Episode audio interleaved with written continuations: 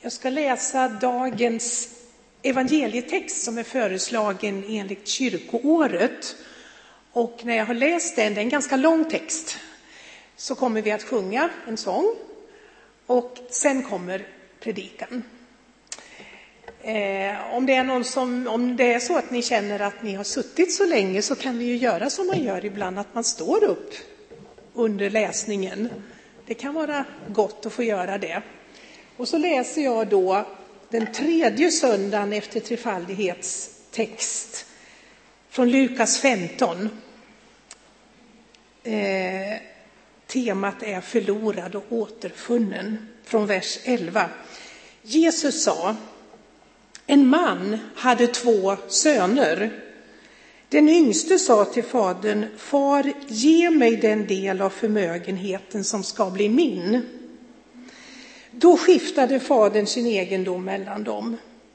Och några dagar senare hade den yngste sonen sålt allt han ägde och han gav sig iväg till ett främmande land och där slösade han bort sin förmögenhet på ett liv i utsvävningar.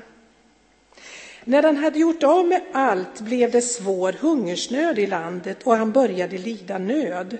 Han gick och tog tjänst hos en välbärgad man i det landet. Och denne skickade ut honom på sina ägor för att vakta svin. Han hade gärna velat äta sig mätt på fröskidorna som svinen åt, men ingen lät honom få något. Då kom han till besinning och tänkte, hur många daglönar hos min far har inte mat i överflöd och här svälter jag ihjäl. Jag ger mig av hem till min far och säger till honom, far, jag har syndat mot himlen och mot dig. Jag är inte längre värd att kallas din son. Låt mig få gå som en av dina daglönare. Och han gav sig hem till sin far. Och redan på långt håll fick fadern syn på honom. Han fylldes av medlidande och sprang emot honom och omfamnade honom och kysste honom. Sonen sa, Far, jag har syndat mot himlen och mot dig. Jag är inte längre värd att kallas din son. Men fadern sa till sina tjänare, skynda er att ta fram min finaste dräkt och klä honom i den och sätt en ring på hans hand och skor på hans fötter och hämta gödkalven och slakta den så ska vi äta och hålla fest. Min son var död och lever igen. Han var förlorad och är återfunnen. Och festen började. Men den äldste sonen var ute på fälten. När han på vägen hem närmade sig huset hörde han musik och dans. Han kallade på en av tjänarna och frågade vad som stod på. Tjänaren svarade, din bror har kommit hem och din far har låtit slakta gödkalven därför att han har fått tillbaka honom välbehållen. Då blev han arg och ville inte gå in. Fadern kom ut och försökte tala honom till rätta, men han svarade, här har jag tjänat dig i alla dessa år och aldrig överträtt något av dina bud. Och mig har du aldrig gett ens en killing att festa på med mina vänner. Men när han kommer hem, din son som har levt upp din egendom tillsammans med horor, då slaktar du gödkalven. Fadern sa till honom, mitt barn, du är alltid hos mig och allt mitt är ditt. Men nu måste vi hålla fest och vara glada, för din bror var död och lever igen. Han var förlorad och är återfunnen. Eh, när Jesus berättar den liknelse som vi nyss har hört så är det, kan man säga, ett kraftfullt inlägg i debatten, eller låt oss säga kontroversen med fariseerna. Det här är ju den sista av tre liknelser på temat förlorad och återfunnen. Och eh, Lukas, när han återger de här i sitt evangelium, så introducerar han de här tre liknelserna så här. eh, vers 1 i kapitel 15 och till 3. Alla publikaner och syndare höll sig nära in till Jesus för att höra honom. Men fariseerna och de skriftlärde kritiserade honom ständigt och sa den mannen tar emot syndare och äter tillsammans med dem. Och så står det, då berättade Jesus denna liknelse för dem. Så det var sammanhanget. Och den första liknelsen handlar ju om heden som söker och finner sitt förlorade får och sen handlar det om kvinnan som letar, Eh, som letar tills hon hittar sin borttappade penning.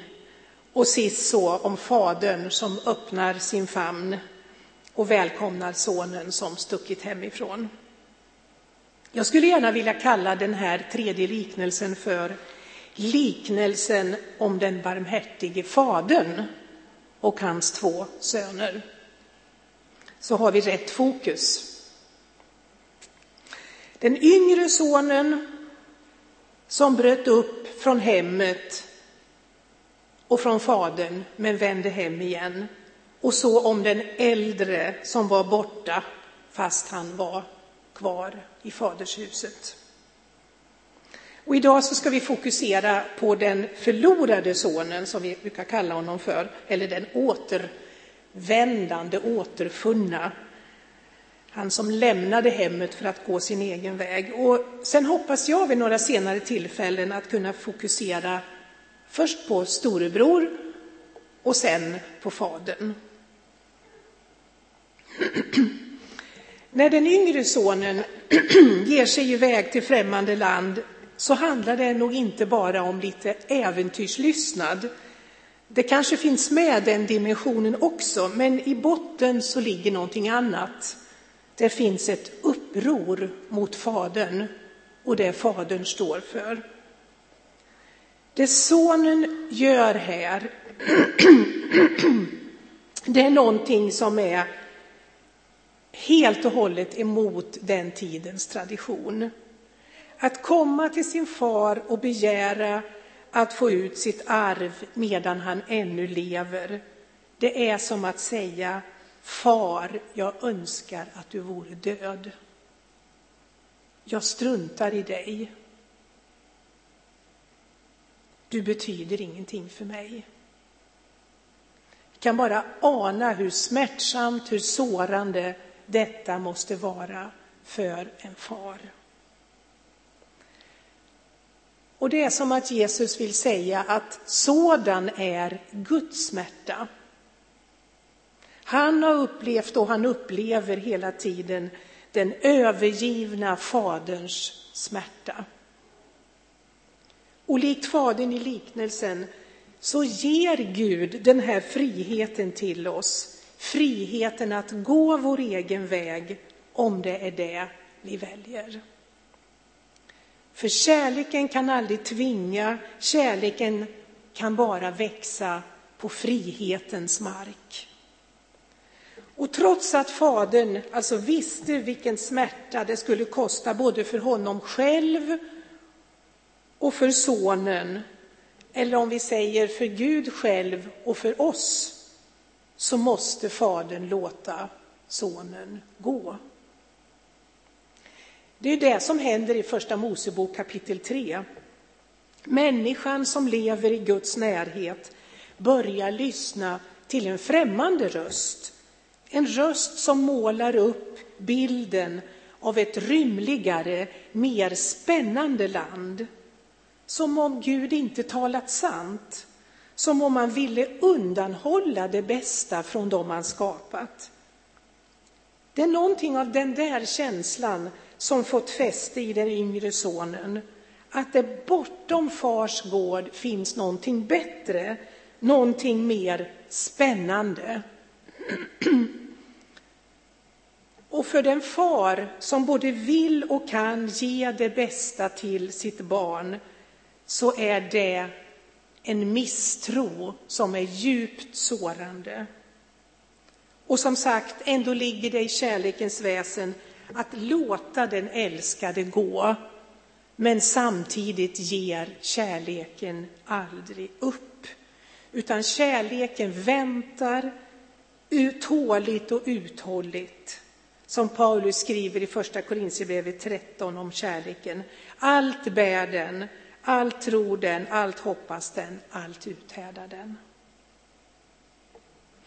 För de av oss som har vuxit upp i kristna hem och kanske inte haft någon sån där riktig period av uppror och avståndstagande så kan det ibland vara lite svårt för oss att identifiera oss med den yngre sonen.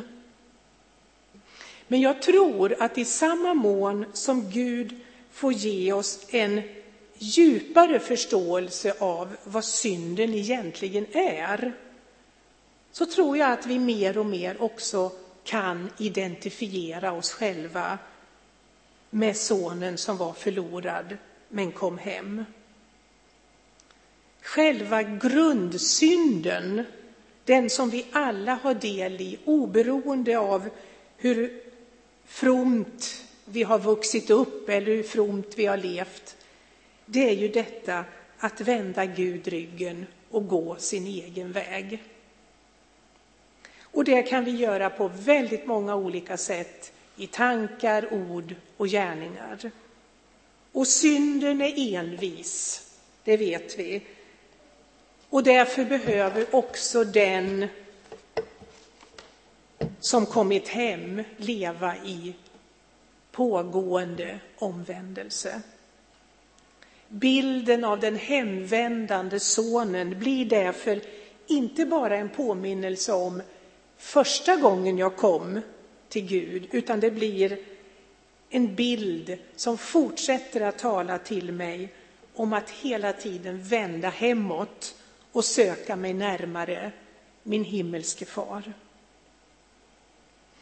Lite längre fram i sitt evangelium, i kapitel 19, så berättar Lukas om när Jesus möter Sakaios, tullmannen.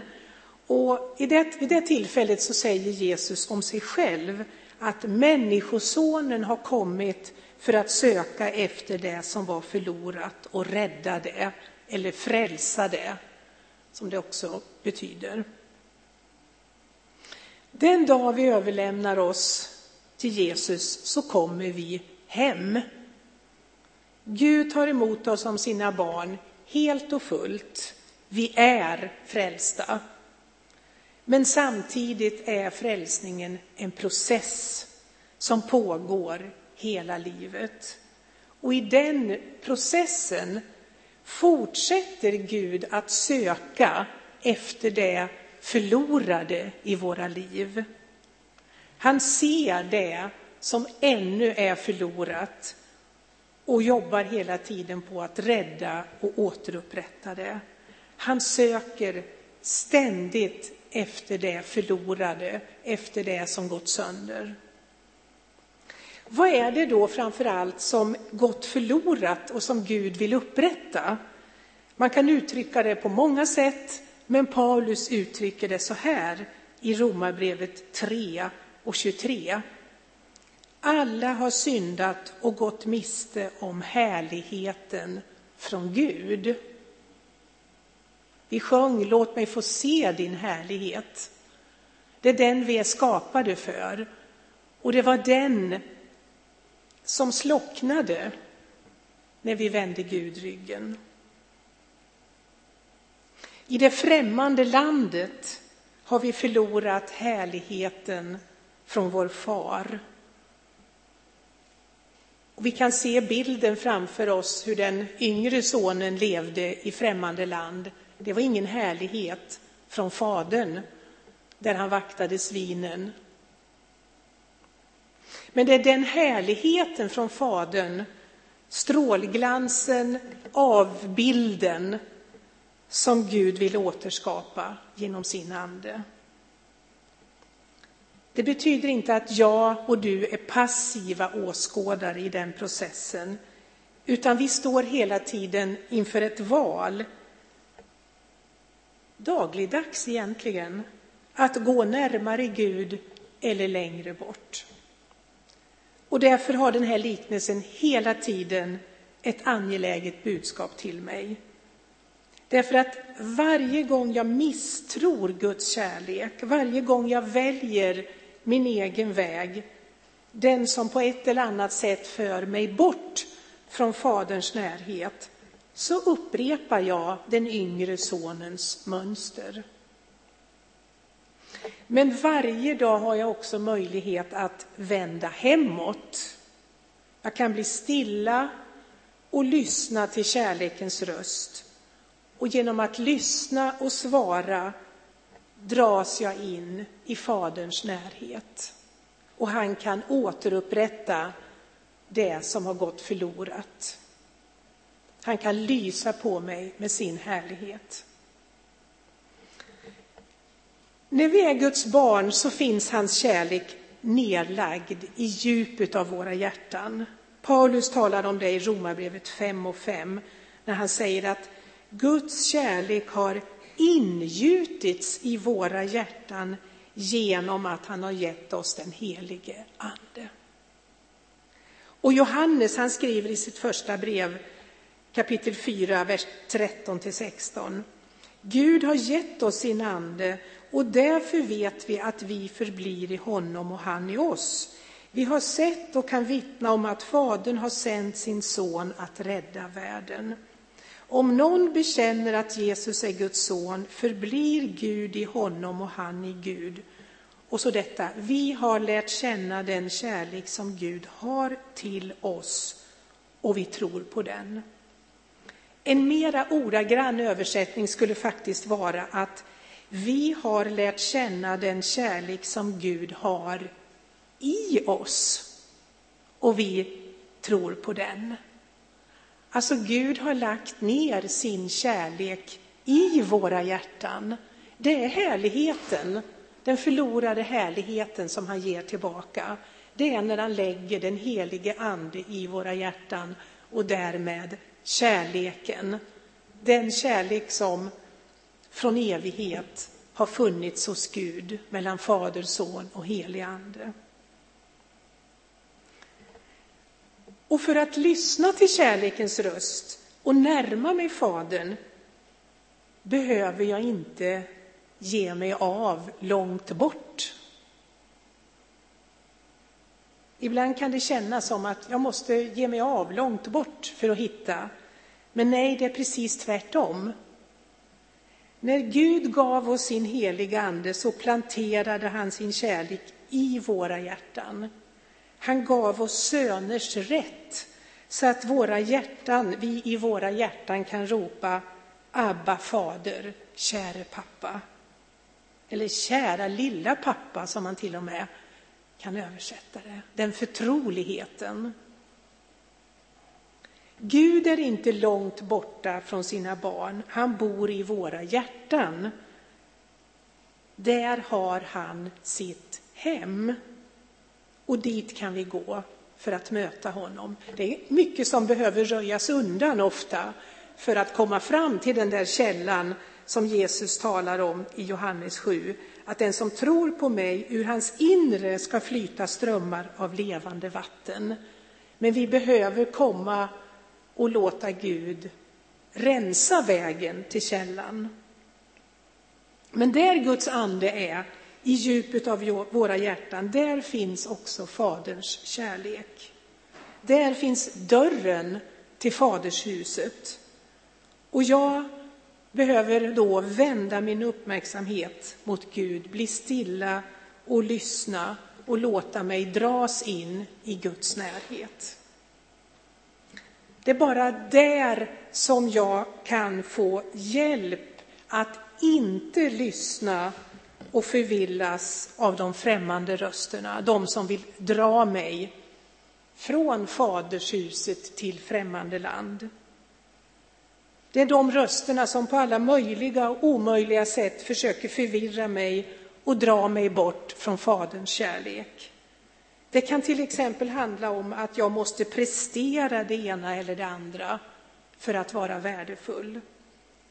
Och resultatet av det, det känner vi. Det kan vara både missmod och högmod, oftast i en osalig blandning. Faderns röst däremot, talar om för mig att jag är älskad som jag är därför att han är kärlek och därför att jag får vara i honom. Och den kärleken är likadan vare sig jag är stark eller svag, sjuk eller frisk, på toppen eller i botten, misslyckad eller lyckad. De främmande rösterna som vill dra mig bort från Fadern och förskingra mitt arv kan också vara bittra tankar, avund, habegär med mera, med mera. Ni vet själva. Guds kärlek är villkorslös och förlåtelsen är total. Och det kan vi ha väldigt svårt att tro på. Precis som den yngre sonen hade i början av sin hemfärd. Han tänkte att om jag vänder tillbaka till far så kommer han i alla fall att låta mig gå som en av sina daglönare. För han visste ju att fadern var en rättskaffens man och han hade säkert sett honom att han aldrig visade bort en tiggare utan att han istället erbjöd arbete. Och nu litade han på att han själv skulle bli likadant behandlad av sin far. Och det tyckte han, det var ju nog. Att han skulle bli mottagen igen som son, det hade han inte kunnat drömma om. Och så närmar han sig hemmet. Och så fadern är ute och kikar ner mot vägen och han får syn på honom, står det, redan på långt håll. Han känner genast igen sonen trots trasorna. Och han fylls av ömhet och han, står det, springer emot honom. Och det är ingen oviktig detalj. För det hör till saken att en sån språngmarsch, det var under värdigheten för en man i hans ställning. Den här förmodligen ganska välbärgade bonden. Nej, man sprang inte. Men nu spelar det ingen roll. Det enda som betyder något är att han får möta sin son, hälsa honom välkommen hem. Och det är precis så med Gud. När han räddar sina förlorade söner och döttrar så bryr han sig inte om konventionerna eller vad som är passande. Han handlar inte på ett förutsägbart sätt. Han handlar, som Paulus säger, tvärs emot mänsklig vishet.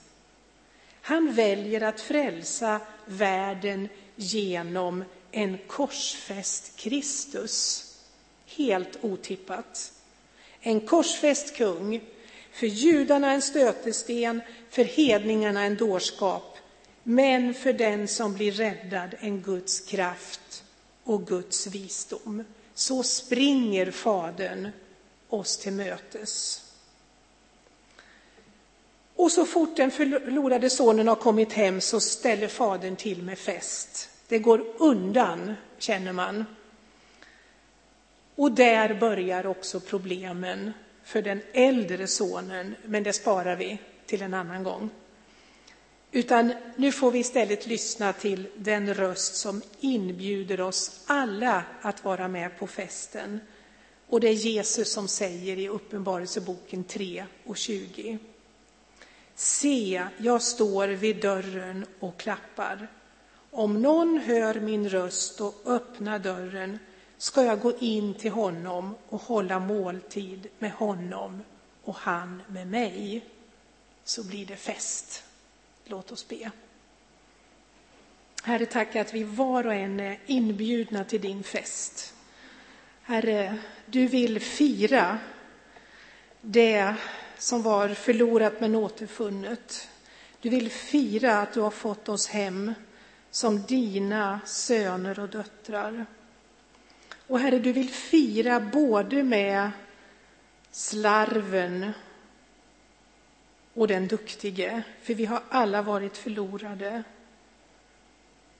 Herre, tack att du visar oss din kärlek, din nåd, din oändliga förunderliga nåd så att vi också på så sätt kan komma i feststämning och känna och dela glädjen att vara i ditt hus. Amen.